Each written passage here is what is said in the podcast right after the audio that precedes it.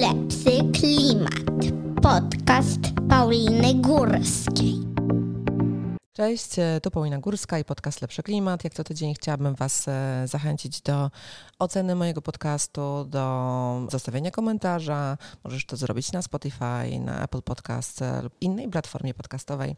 Dzisiaj będziemy rozmawiać o smogu, bo ledwie 5% ludzkości oddycha powietrzem, które można uznać za zdrowe. Powiedziałabym tak trochę potocznie, że już kilka lat temu skapnęliśmy się, że życie w mieście, a też coraz częściej na wsi, czy też na obrzeżach miasta, to jest zanieczyszczone powietrze. I niezależnie od tego, mm, jaka jest Twoja zasobność e, portfela, i tak przed zanieczyszczonym powietrzem w Polsce się nie uchronisz. I jest to porażające.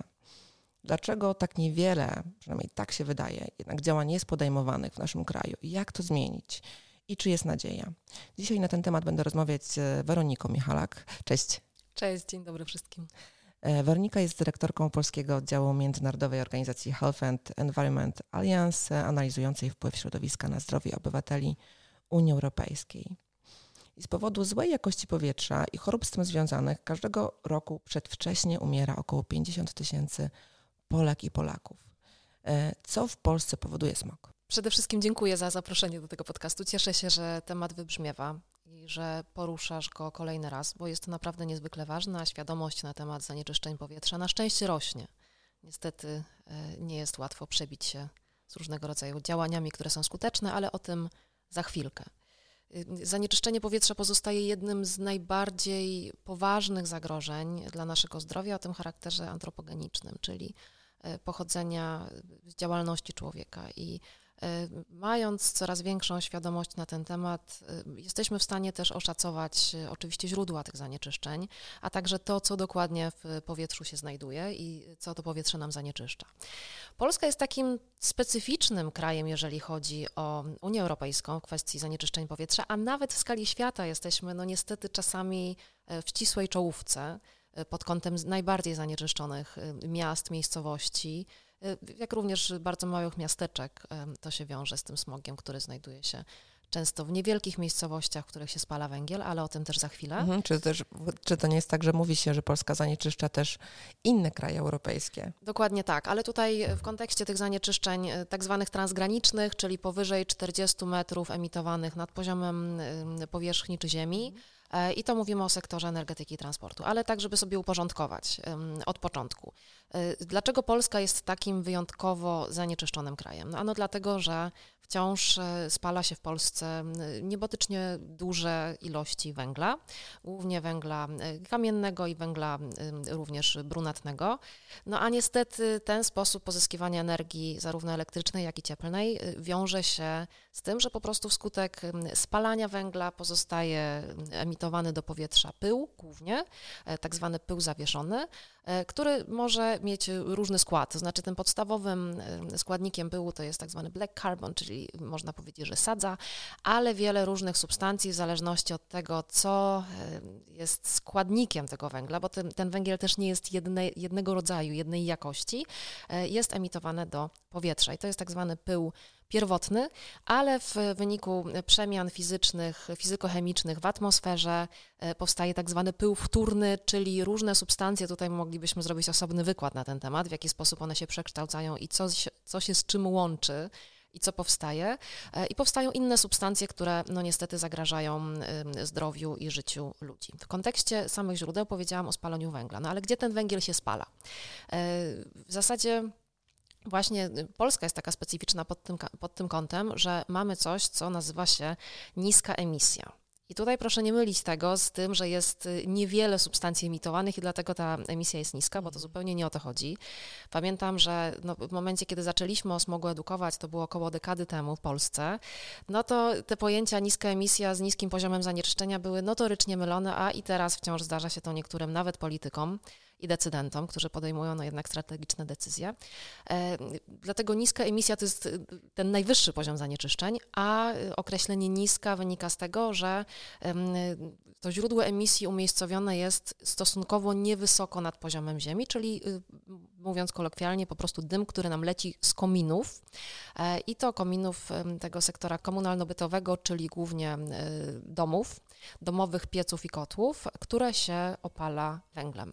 W Polsce cały czas jest ponad 2,5 miliona domów, które są opalane węglem, głównie węglem kamiennym, e, niemniej jednak, o czym zaraz powiem, także niestety węglem brunatnym. 2,5 miliona. Czy na przestrzeni ostatniej dekady jednak musiała się ta liczba domów zmniejszyć, nie? Ale wciąż to jest 2,5 miliona, to jest po prostu trudne do wyobrażenia. Ja tak przyjmuję, go, jakby ja tak przyjmuję dolny próg szacowania, że to jest 2,5 mm. miliona. To prawdopodobnie jest więcej. Mówiliśmy parę lat temu o 3 milionach, jednak program Czyste Powietrze czy działania podejmowane w Polsce, które służą temu, żeby te piece najbardziej emisyjne, czyli tak zwane kopciuchy, wymieniać, no jakby przekładają się oczywiście na to, że ich liczba konsekwentnie jednak wciąż zbyt wolno spada.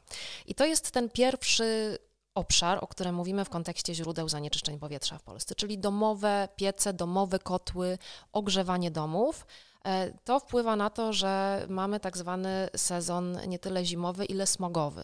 Czyli w momencie, kiedy temperatura na zewnątrz spada, ludzie ogrzewają swoje domy, emitują ogromne ilości zanieczyszczeń. Wtedy tak naprawdę stąd chyba powstało to mm, określenie smogu w Polsce. Znaczy, inaczej musimy rozróżnić też dwa pojęcia: smog i zanieczyszczenie powietrza, bo smog jest po, pojęciem kolokwialnym, które odnosimy do zanieczyszczenia powietrza. Mhm.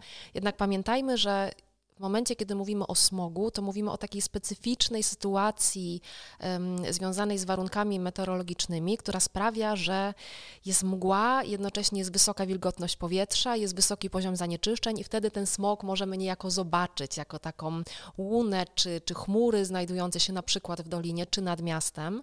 E, czasami to widzimy na zdjęciach, e, jest to często widoczne gołym okiem. Tak, ale ciekawostka jest taka, że nawet jeśli mamy piękne niebieskie niebo i dobrą widoczność i wydaje się, że jest super pogoda i nie ma tego smogu, to przecież to powietrze wciąż może być zanieczyszczone, jest zanieczyszczone. No i wyręczyłaś mnie tutaj, dokładnie to chciałam powiedzieć. Tak, w momencie, kiedy niebo jest pozornie czyste, mm. kiedy wydaje nam się, że pogoda jest piękna, że jest dobra widoczność, oczywiście nie świadczy to o tym, że to powietrze nie jest zanieczyszczone. A co to znaczy, że jest zanieczyszczone? Że po prostu w składzie chemicznym powietrza nie znajdują się tylko substancje, które powietrze tworzą, tylko inne substancje, które są niepożądane w powietrzu, które znajdują się głównie wskutek działalności człowieka, ale też procesów naturalnych, bo e, niektóre procesy naturalne, jak pylenie drzew, e, na przykład są też związane z zanieczyszczaniem powietrza, ale my mówimy tutaj o tym zanieczyszczeniu pochodzenia antropogenicznego. Więc pierwszą kategorią jest ta niska emisja i to spalanie głównie węgla, a niestety też odpadów, jak wiemy, ale o tym będę chciała jeszcze powiedzieć później w kontekście ostatniego sezonu grzewczego. I to jest ta niska emisja. Y, czasami do tej kategorii, ze względu na wysokość emisji nad poziomem Ziemi, o czym powiedziałam, zaliczane są również samochody, ale coraz rzadziej, ponieważ transport już traktujemy jako odrębne źródło zanieczyszczeń. Dlaczego? Dlatego, że y, po pierwsze, jakby model miejscowy zanieczyszczenia wygląda inaczej, to znaczy y, transport zanieczyszcza głównie miasta, ponieważ koncentracja pojazdów spalinowych w miastach jest oczywiście najwyższa. I o ile w niewielkich miejscowościach, gdzie spala się dużo węgla w sektorze komunalno-bytowym, to właśnie ta niska emisja z pieców i kotłów jest główną przyczyną zanieczyszczenia powietrza, mówi się, że nawet do 80%, o tyle w dużych miastach, gdzie samochody stoją w korkach, gdzie codziennie setki tysięcy samochodów wjeżdżają do miasta, a następnie wyjeżdżają, e, albo po prostu jest duże natężenie ruchu w godzinach szczytu, e, to to zanieczyszczenie z transportu jest dominującym źródłem zanieczyszczenia. Ono się też różni składem chemicznym. Przykładowo, jeżeli mamy bardzo wysokie stężenia tlenków azotu, to to jest bardziej charakterystyczne dla transportu, więc można próbować szacować też wpływ na podstawie stężenia poszczególnych substancji, chociaż są substancje, które są y, analogiczne czy te same dla niskiej emisji y, i dla transportu. Więc transport traktowany jest jako te kilkanaście procent y, średnio zanieczyszczeń powietrza w Polsce, natomiast w dużych miastach to może być nawet ponad połowa, tak jak Warszawa. Mhm. I trzecim źródłem zanieczyszczenia to jest emisja z tych źródeł powyżej 40 metrów nad poziomem Ziemi, czyli tak zwana wysoka emisja. Oczywiście no to też odpowiada poziomowi czy, czy wysokości tej emisji, e, to są zanieczyszczenia, które są emitowane przez te wysokie kominy przemysłowe i kominy elektrowni. E, produkcja energii wciąż w Polsce oparta jest w ponad 70% na spalaniu węgla, mówię o energii elektrycznej, więc nasze elektrownie, nasze, nasze wytwarzanie energii elektrycznej oparte jest właśnie o spalanie węgla. Oczywiście można argumentować z drugiej strony, że technologie wysokiego spalania muszą być wyposażone w coraz lepsze filtry, odpylacze, y, systemy odsiarczające itd. Tak Natomiast wciąż jest to bardzo istotne źródło emisji zanieczyszczeń powietrza. Często emisje nie są prawidłowo raportowane, albo jak pokazują dociekania poszczególnych organizacji pozarządowych, mhm. tutaj też osobny temat, na który mogłybyśmy rozmawiać, one są zaniżane. Więc niestety ta emisja z energetyki jest tym trzecim źródłem, to w zależności też od szacowania danej substancji może być tam 7-9%. E, niektóre zestawienia czy KOBIZE czasami, czyli Krajowy Ośrodek Bilansowania i Zarządzania Emisjami podają, że to jest mniej, w zależności od roku, ale na przykład elektrownie odpowiadały stosunkowo za największą część emisji tlenków siarki. E, I to są zanieczyszczenia, które mogą zanieczyszczać też inne kraje. E, to znaczy, ponieważ są emitowane na tak dużych wysokościach, mogą być transportowane nie tylko wokół komina elektrowni, tak naprawdę paradoksalnie najmniejsze stężenie tych zanieczyszczeń jest tuż pod kominem, ponieważ one się rozchodzą najczęściej z wiatrem i nie, nie opadają bezpośrednio przy samym kominie. Natomiast podlegają dyspersji w powietrzu i przenoszeniu tych razem z masami powietrza nawet na setki albo tysiące kilometrów. My robiliśmy taką próbę szacunków już kilka lat temu. Zachęcam Państwa do lektury raportu Europe's Dark Cloud i Lifting the Cloud w języku angielskim, ale jest dużo też materiałów dla osób nieanglojęzycznych i modeli dyspersyjnych, które pokazują E, jakie zanieczyszczenia na jakie odległości są transportowane z Polski i ile tysięcy czy setek zgonów jest przypisanych tym emisjom właśnie z polskiej energetyki poza granicami kraju i jak w ogóle, które kraje wysyłają, mówiąc potocznie, zanieczyszczenia do których krajów. Niska emisja jest problemem bardziej miejscowym, ponieważ nie jest w stanie być transportowana na tak dalekie odległości ze względu po prostu na wysokość źródła emisji. Okej, okay, dlaczego mamy jeszcze w Polsce 2,5 miliona pieców na węgiel e, i co powinno się wydarzyć, żebyśmy w przeciągu 10 lat nie wiem, zmniejszyli tą liczbę znacząco? Powinny być wymieniane te piece na węgiel na inne źródła energii, głównie na energetykę tutaj odnawialną, czyli w tym momencie y, mówimy o pompach ciepła, które mogą zapewniać komfort cieplny użytkownikom, użytkownikom, y, użytkownikom i użytkowniczkom takich instalacji. Natomiast y, co powinno się wydarzyć y, w kwestii formalnej i systemowej? Powinna być wdrażane, powinna być wdrażana szybka realizacja programu Czyste Powietrze.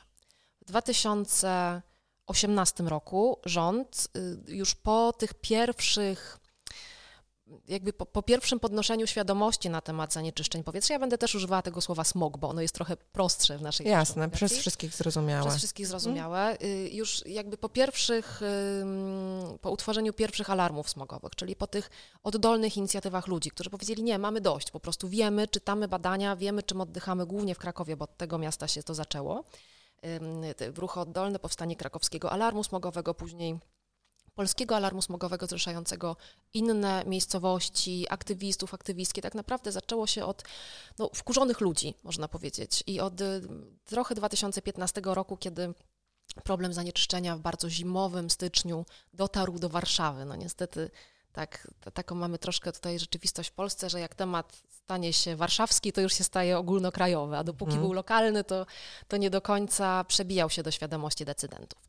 Więc ci wkurzeni ludzie, wiedząc i czerpiąc informacje z badań, które także były prowadzone w Polsce na temat tego, jak zanieczyszczone powietrze wpływa na zdrowie, powiedzieli dość. My chcemy wprowadzania rozwiązań, które wyeliminują po pierwsze najgorsze paliwa, po drugie najgorsze instalacje grzewcze, które ułatwią i umożliwią ludziom wymienianie, nawet tym osobom, których na to po prostu nie stać ze względu na trudną sytuację ekonomiczną, wymianę tych źródeł ciepła, bo my nie chcemy wzajemnie się truć i nie chcemy, żeby to powietrze cały czas zagrażało zdrowiu i życiu. Oczywiście z uwzględnieniem też dzieci, bo to one są w grupie najwyższego ryzyka, jak również kobiety w ciąży czy osoby starsze. E, I tak naprawdę świadomość społeczna doprowadziła do tego, że wprowadzono pierwsze uchwały antysmogowe, czyli na obszarach miast albo danym wyznaczonym obszarze y, zakazuje się stosowania danego, danych instalacji grzewczych o najniższych standardach i musi nastąpić stopniowa wymiana, podłączenie do sieci ciepłowniczej albo wymiana na bardziej ekologiczne, mniej emisyjne źródło ciepła. Druga rzecz, y, miał to też umożliwić i przyspieszyć program Czyste Powietrze. W 2018 roku polski rząd, mimo że dwa lata wcześniej, dwa czy rok, y, minister zdrowia zapewniał, że ówczesny minister zdrowia, że smog tak naprawdę nie jest problemem i że, że to. Ale wciąż dzisiaj to słyszymy w mediach e, tak. od różnorakich polityków, że smog nie jest dzisiaj problemem, więc nic się nie, można powiedzieć, że nie za wiele się zmieniło w narracji E, politycznej przez ostatnie lata. Wiesz co, tak, tylko że ta sytuacja, która towarzyszy ostatniemu, ostatnim kilkunastu miesiącom, mhm. ja, chętnie, ja chętnie ten wątek rozwinę, bo to jest związane też z kryzysem energetycznym i jakby próbą takiego lawirowania politycznego, która celowo ma doprowadzić do tego, że ludzie po prostu zapomną o problemie zanieczyszczenia powietrza w momencie, kiedy brakowało nam 10 milionów ton węgla. Y, dokończę ten wątek o czystym powietrzu, o tym programie, bo rząd powiedział: OK, chcemy pomóc, chcemy osiągnąć y, czystsze czy poziomy, niższe poziomy zanieczyszczeń powietrza w Polsce i przeznaczymy 103 miliardy złotych do 2029 roku, czyli w ciągu no, 10 lat z hakiem, na realizację tego programu. Kwota się wydaje całkiem spora. Spora, bo to jest 10 mhm. miliardów złotych rocznie, no czyli okay. spora. Mhm. No tylko pytanie, jakby jedno, jedno to jest regulacja e, i przeznaczenie tego budżetu, E, w perspektywie zwłaszcza czasowej dekady, a druga to, drugie to jest realizacja. I NIK w 2021 roku, czyli Naczelna, Naczelna Izba Kontroli, dokonała oszacowania tego, w jaki sposób program Czyste Powietrze jest wdrażany i okazało się, że 2% zamiast 30 po trzech latach tego zapotrzebowania na wymianę pieców zostało faktycznie osiągnięte. A z czego wynikają te problemy? Jakby też e, czasem dostaję wiadomości od osób z mojej społeczności, które piszą, że na przykład zainwestowały w wymianę pieca albo coś zmieniły, ale na przykład czekały bardzo długo, rok na jakiś zwrot, no bo to jest też dofinansowanie ze strony państwa w ramach programu Czyste Powietrze i że, nie wiem, albo czekają, wciąż nie dostały takiego zwrotu, że to są tego typu problemy i są niezadowoleni. Jakby co było dokładnie tutaj, co jest tym głównym problemem w realizacji tego programu? Wiesz co, y, wydaje mi się, że to są kwestie proceduralne, to znaczy brak przygotowania szczegółowego y, do wdrażania, zapewnienia kadr, y, zapewnienia dobrego poziomu informowania mieszkańców i mieszkanek, bo to tak naprawdę działa w ten sposób, no nikt nie przychodzi do domu i nie narzuci tej wymiany pieca. Oczywiście w momencie, kiedy zacznie obowiązywać uchwała antysmogowa, które teraz notabene są odwoływane i przedłużane terminy ich wdrażania w związku z sytuacją sytuacją, o której jeszcze chciałabym za chwilkę powiedzieć. Y, ze względu na to, że to sami mieszkańcy i mieszkańcy muszą się zgłaszać, bardzo ważna jest edukacja. A niektóre gminy, niektóre samorządy, no niestety to przespały, były problemy z pozyskiwaniem tych środków, z klarownością przepisów, z tego, żeby po prostu zaangażować odpowiednią liczbę ludzi, na przykład tak zwanych ekodoradców, którzy będą tłumaczyć, w jaki sposób można taką dotację uzyskać, co tak naprawdę trzeba zrobić krok po kroku. Ja też znam bardzo wiele osób, dla których to było niejasne i ludzie się zgłaszają też prywatnie do nas oczywiście, do nasi bliscy, znajomi, znajomi znajomych z pytaniem, co zrobić, bo, bo ja jestem pogubiony, pogubiona, wiem, że jest program, wiem, że można dostać dofinansowanie, ale tak naprawdę no, co tutaj jak można to realnie Jasne. zrobić. Krok po kroku powinno, powinno być doradztwo też jakieś lokalne, nie? Pewnie w niektórych miejscach jest, ale w niektórych nie ma.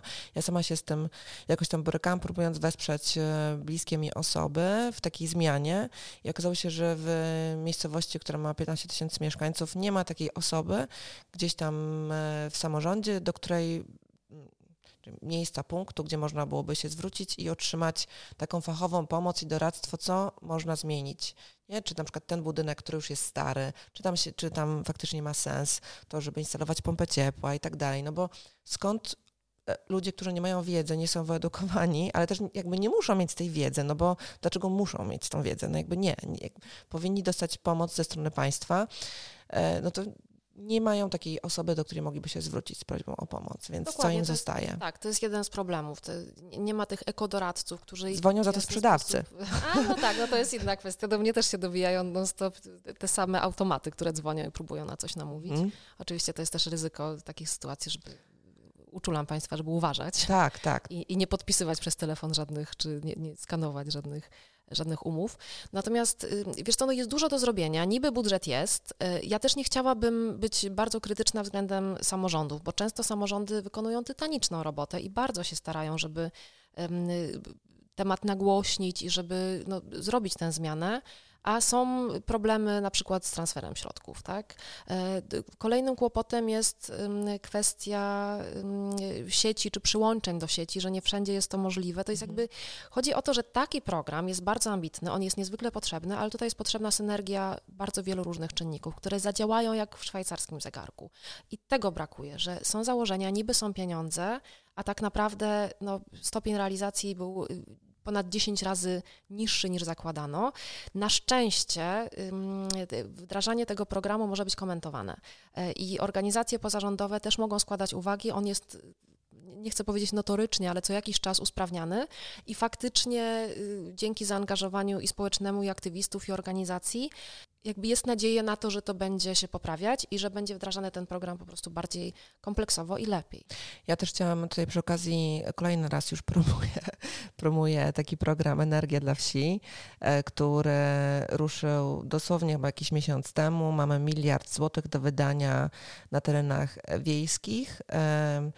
Przez rolników, którzy chcieliby założyć spółdzielnie energetyczne. I oczywiście tutaj mamy się opierać przede wszystkim na energii odnawialnej, więc e, jeśli, em, e, jeśli jesteś rolnikiem albo rolniczką, to myślę, że warto, żebyś się zainteresował, zainteresowała. A kiedy mówimy o edukacji, to jeszcze bym chciała podjąć jeden ważny temat. Spalanie drewna traktowane jest wciąż przez mieszkańców Polski jako ekologiczne paliwo i ostatnio nawet miałam z tym do czynienia, ponieważ mam e, stary taki dom, starą szkołę, którą remontuję e, na Mazurach i E, Rozmawiając gdzieś tam przy kawie, usłyszałam właśnie od, e, od kogoś z lokalnej społeczności, że pali drewnem, bo drewno jest ekologicznym paliwem, e, no i pelletem, no i też, że w ogóle kominki są ok, nie? Więc ja bym chciała, żebyś się do tego odniosła. Dobra, ale jeszcze zanim się odniosę, to powiem, bo ty zaapelowałaś do mieszkanek i mieszkańców wsi, a ja do państwa, którzy mają domy y, i mają możliwość wymiany źródła ciepła. Y, Zainteresujcie się państwo i sprawdźcie w swoim w ustaleniu ze swoim samorządem, co można zrobić, y, ponieważ no, w tym momencie już w 14 województwach obowiązują, czy będą wdrażane uchwały antysmogowe, więc termin wymiany tego pieca tak czy siak kiedyś nastąpi. A jeżeli można skorzystać z dofinansowania z dotacji, to po prostu warto to zrobić. I na to uczulam i serdecznie do tego zachęcam. A teraz o drewnie. No, gdybyśmy wszystkie te 2,5, 2,8, 2,7 miliona y, pieców w domach jednorodzinnych zamienili na kominki, no to nie mielibyśmy czystszego powietrza. Y, Spalanie drewna y, oczywiście jest traktowane w narracji energetycznej jako biomasa, ale wcale nie jest to ekologiczne pod kątem y, niższej emisyjności źródło ciepła. Y, Co więcej, źródło energii, bo teraz też się toczą dyskusje na temat spalania biomasy w instalacjach wysokiego spalania, czyli do celów pozyskiwania energii elektrycznej. To jest jakby osobny temat i cały czas na poziomie y, unijnym też trwają dyskusje i debaty na temat tego, czy biomasę zaliczać do odnawialnych źródeł energii, no bo Mhm. ona się odnawia co jakiś czas, ale jednak jest bardzo wysoka emisyjna, zarówno też nie poruszyliśmy w ogóle wątku y, gazów cieplarnianych i dwutlenku węgla przy spalaniu węgla, który jest bardzo istotnym, zagrażającym życiu również gazem cieplarnianym na- napędzającym zmianę klimatu, ale jeżeli chodzi o spalanie biomasy, to również jest bardzo wysokoemisyjna i to jest mit i błędne przekonanie, że możemy opalać nasz piec drewnem i to będzie ekologiczne źródło ciepła. Dlaczego? Po pierwsze dlatego, że jest wysokoemisyjne w kwestii pyłów czy innych, y, czy toksycznych substancji, które z takiego drewna e, się mogą wydobywać, wydobywać, zwłaszcza kiedy ono nie jest sezonowane, czyli kiedy jest wilgotne. A druga rzecz, no niestety też e- emitowane są wskutek spalania gazy, które są niebezpieczne zarówno dla powietrza, jak i dla atmosfery i dla klimatu. Mhm. Jeżeli weźmiemy przykład z krajów skandynawskich, gdzie to spalanie drewna no, już odbywa się na wysoką skalę, no to tam już to jest temat, tak? Tak jak u nas się mówi o węglu, to tam też odchodzi się od spalania drewna i od tych kominków. U nas y, funkcjonuje taka nomenklatura y, chyba spalania dekoracyjnego czy okazjonalnego. Mhm. Y, to też nie jest ekologiczne źródło, tak jak wspomniałeś pod kątem powietrza, czy niskoemisyjne. Dopóki to jest jakiś marginalny proces, to on się może wydawać niegroźny. Ale tak jak wspomniałam, gdybyśmy wymienili te piece na węgiel na piece na drewno, to sytuacja wcale nie byłaby lepsza. Więc powinniśmy dążyć do tego, żeby po prostu jak najmniej rzeczy spalać. Bo Poza tym potrzebowalibyśmy spalania, ogromne ilości tak. drewna. Poza tym dokładnie, potrzeba było ogromnej byłoby, ilości drewna. Tak, skądś pozyskać. E, Chociaż były zachęty, były zachęty. I tutaj może parę słów o, o kryzysie energetycznym, bo to jest ciekawy wątek, który wpłynął nam również w ogromnej mierze na jakość powietrza tej zimy i prawdopodobnie wpłynie również następnej, ze względu na to, że no, Polska jest silnie uzależniona od spalania paliw stałych, głównie, tak jak wspomniałam, węgla, ale też zainwestowaliśmy, czy nawet wciąż są plany inwestowania w tak zwane paliwo przejściowe, czyli gaz, a w tym momencie, jak wiemy, nałożono embargo na paliwa kopalne z Rosji ze względu na wojnę, która się toczy za naszą wschodnią granicą. Co wygenerowało bardzo dużo pytań i problemów pod kątem bezpieczeństwa energetycznego, jest to skutek wieloletnich zaniechań i zaniedbań w kwestii transformacji energetycznej i uniezależnienia się od spalania paliw kopalnych, e, a także sprawiło, że no, nasze bezpieczeństwo, głównie cieplne, stanęło pod ogromnym znakiem zapytania. Nie wiem, czy no, kojarzysz na pewno te dyskusje e, w, we wrześniu, w październiku, skąd mamy brać węgiel. Tak, tak, e, jasne. Rząd, który miał spotkania w różnych częściach świata, podpisywał kontrakty niewynegocjowane cenowo. Mhm. Nie wiadomo było potem, co przypłynęło do Polski. Często to było jakieś błoto, nawet w mediach społecznościowych można było spotkać filmiki, gdzie pokazywano, że to jest jakiś muł po prostu, który może zatykać instalacje grzewcze. Więc co się stało? No, mieliśmy niedobory paliwa, niedobory węgla i mówiono o tym, że nawet 10 milionów ton węgla brakuje przed zimą, co zostało w pewien sposób uzupełnione, a w pewien sposób natura była dla nas łaskawa, bo ta zima wcale nie była taka zła. Jednak nawoływania polityków, E, w ubiegłorocznej jesieni do tego, żeby spalać wszystko, co można, może z wyłączeniem opon, słynny cytat e, prezesa e, partii politycznej, no jest po prostu karygodne, bo, bo to zachęca otwarcie do tego, żeby palić różne rzeczy, które no, po prostu będą nam zatruwać powietrze i w konsekwencji nasze zdrowie. Tak, niektóre gminy odnotowywały um, odbiór mniejszej ilości śmieci um, w danym okresie Nawet do czasu. 60%. To jest, to jest dramat, dlatego tak. że ludzie po prostu no, chcą zaoszczędzić, a wiemy, że inflacja też jest y, bardzo wysoka. Ceny nam rosną w zasadzie każdego tygodnia w sklepach. E, coraz trudniej jest wygospodarować środki na cokolwiek przy rosnących cenach życia, a zwłaszcza na ogrzewanie i to jeszcze coraz szybciej drożejącym paliwem. Więc faktycznie bardzo dużo osób po pierwsze no, chodziło też, ponieważ były otwarte zachęty do zbierania chrustu, e, do lasu zbierać ten chrust. Po ostatniej wichurze też akurat y, byłam w lesie i widziałam, ile to Teraz akurat jesteśmy po weekendzie, ale parę dni temu była dosyć intensywna wichura i widziałam po prostu przyczepki załadowane gałęziami i jakimiś, jakimiś takimi małymi gałązkami z lasu, e, prawdopodobnie również do celów grzewczych, co chwilę ktoś przejeżdżał, więc jakby ludzie zaczęli w domu kumulować wszystko, co można spalić, łącznie z odpadami. Tak jak mówisz, do 60% nawet zanotowano spadek kubatury od, odbieranych odpadów, e, co znaczy, że po prostu ludzie zbierali je w domach po to, żeby je spalić. I pierwsze tygodnie czy pierwsze dni sezonu smogowego, czyli tych niskich temperatur jesieni 2022 roku, to był koszmar. Dla alergików, dla astmatyków.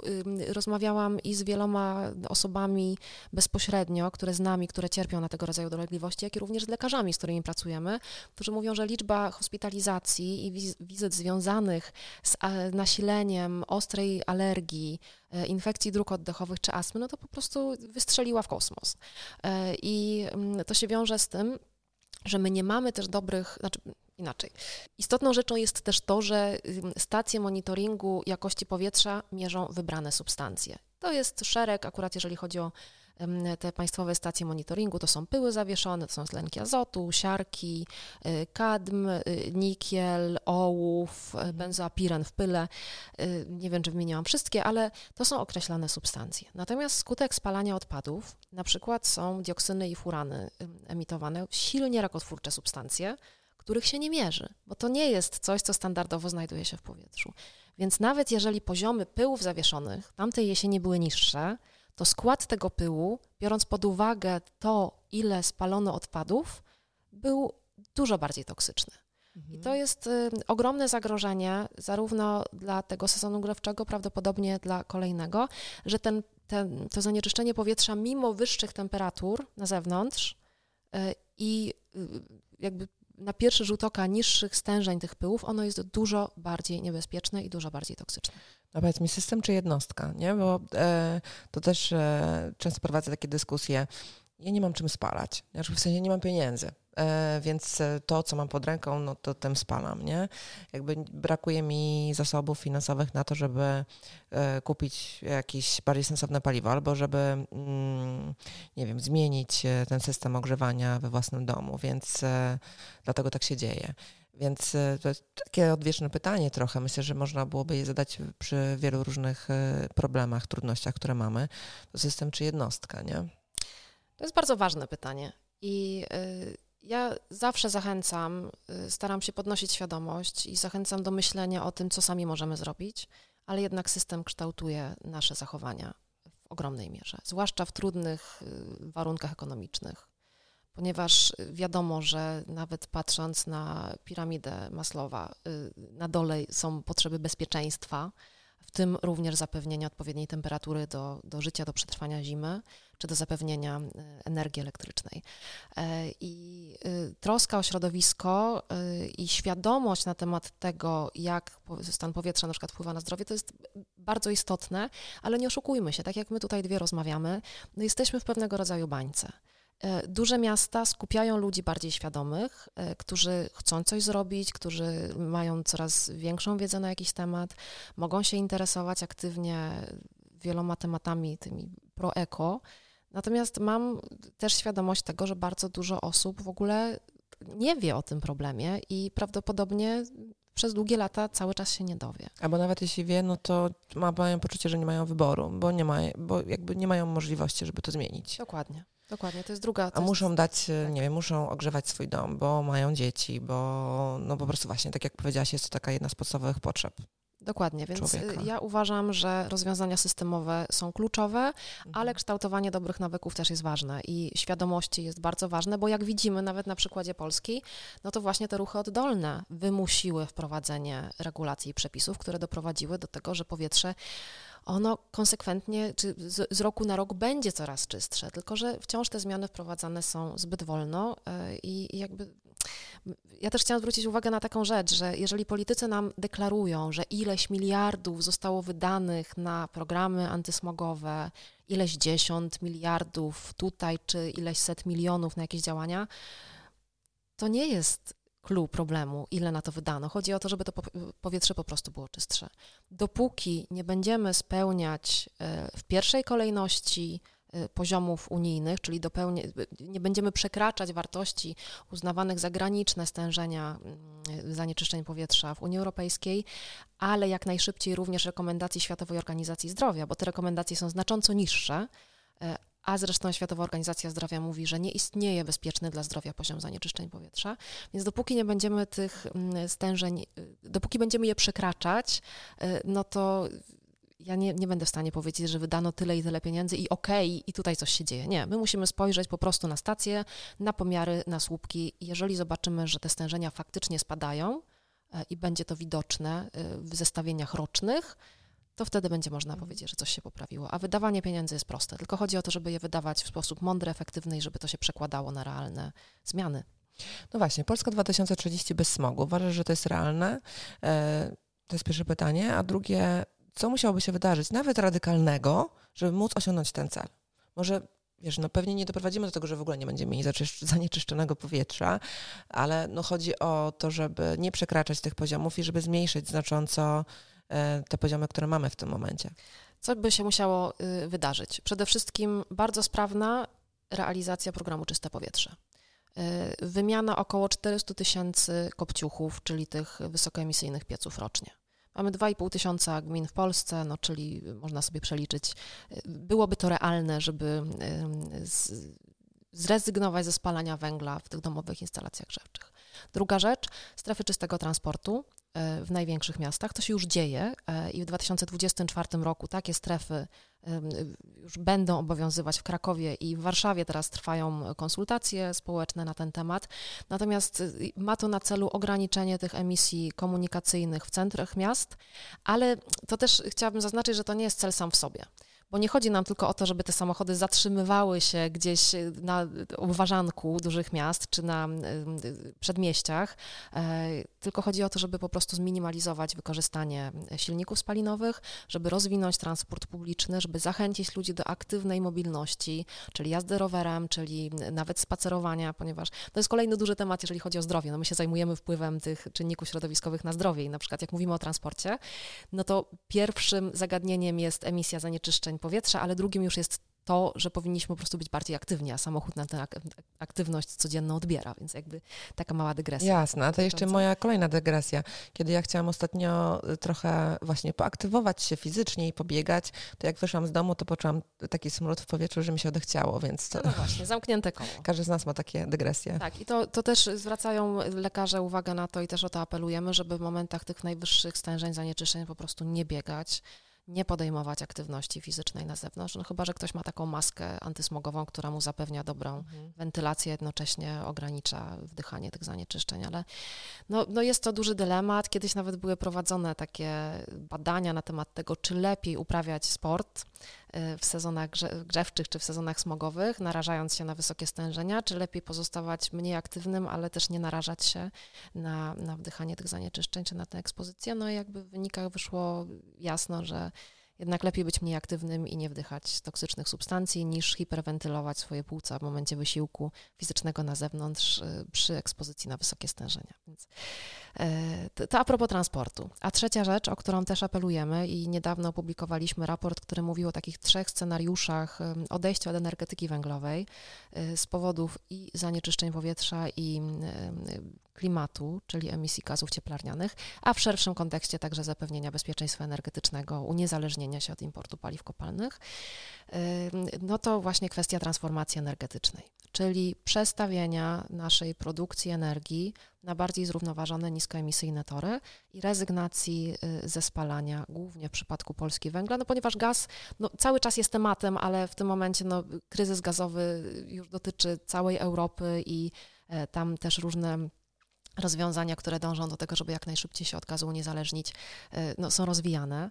Pamiętajmy, że mamy też e, Europejski Zielony Ład, czyli e, jakby taką nadrzędną ideę um, przestawienia się na bardziej zrównoważony, ekologiczny świat całej, znaczy, czy, czy, taką nadrzędną ideę, która mówi o tym, żeby cała Unia Europejska była bezemisyjna do 2050 roku I jednym z kluczowych punktów Europejskiego Zielonego Ładu jest Euro Pollution Action Plan, czyli e, zerowy plan zanieczyszczeń. Tam e, w, też w szerszym kontekście jest mowa o zanieczyszczeniach emitowanych do, do, do, tam w szerszym kontekście jest mowa o zanieczyszczeniach emitowanych do wody, powietrza i do gleb.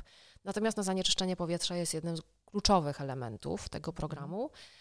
Więc gdybyśmy wdrożyli program Czyste Powietrze jak najszybciej do tego 2029 roku, tak jak to było planowane, i gdyby nie było tam opóźnień, i by wymieniono te piece, gdyby y, rozwijano transport y, niskoemisyjny, który mógłby zastąpić y, samochody, a jednocześnie wyeliminowano możliwość poruszania się tymi najbardziej wysokoemisyjnymi pojazdami o najgorszych normach euro i dieslach, i dieslami. E, I gdyby dokonano transformacji energetycznej i zminimalizowano spalanie węgla, e, no to wtedy szansa na czyste powietrze 2030 jest. Tylko tutaj musi zadziać właśnie się, tylko tutaj musi zaistnieć taka synergia różnych elementów i faktycznie, tak jak Europejski Zielony Ład jest taką nadrzędną, tak jak powiedziałam, ideą, to powinniśmy mieć taki zestaw czy, czy, czy może jedną też, nie wiem, nadrzędną ideę, która nas będzie prowadzić, ale faktycznie, żeby ta bezemisyjność, zarówno zanieczyszczeń powietrza i gazów cieplarnianych po prostu była czymś, co naprawdę przyświeca decyzjom strategicznym, inwestycjom. My tak apelujemy. Planom polityków, zdrowie. niedługo Dokładnie. będą wybory, więc myślę, że jest to taki temat, który warto cisnąć polityków bardzo warto cisnąć polityków o to. To jest niezwykle ważne. Nie to, że żeby... ja chcę walczyć ze smogiem, tylko konkretny plan. Dokładnie tak. Bo a y, ciekawe jest to, że niektórzy politycy, nie chcę rzucać nazwiskami, ale państwo, którzy śledzicie życie polityczne w Polsce, pewnie też macie tego świadomość. No, y, wciąż w 2023 roku mylą klimat z zanieczyszczeniem powietrza na przykład, albo nie wiedzą, że zanieczyszczenie powietrza powoduje nowotwory u dzieci, na przykład nowotwory mózgu i są zaskoczeni takimi informacjami. Y, to absolutnie nie powinno mieć miejsca. Y, powinniśmy mieć świadomość, znaczy politycy powinni mieć bardzo dużą świadomość na ten temat i praktycznie w każdym programie politycznym powinno się to znaleźć, ale nie tylko w programie, bo tak jak powiedziałam, łatwo jest y, coś planować czy wydawać pieniądze. Chodzi o to, żeby po prostu to realizować, żeby znaleźć ludzi, którzy faktycznie będą te idee i programy i strategie wdrażać, bo tylko to nam zapewni to, że faktycznie będziemy w stanie oddychać czystym powietrzem i pełną piersią w Polsce.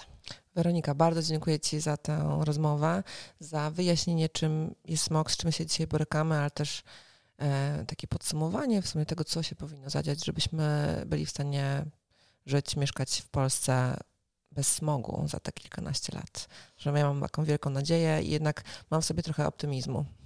To bardzo się cieszę.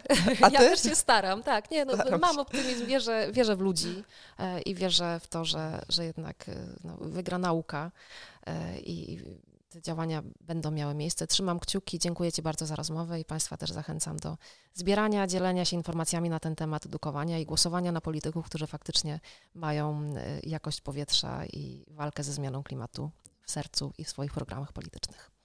Dzięki. Do usłyszenia i do zobaczenia. Cześć. Lepszy klimat.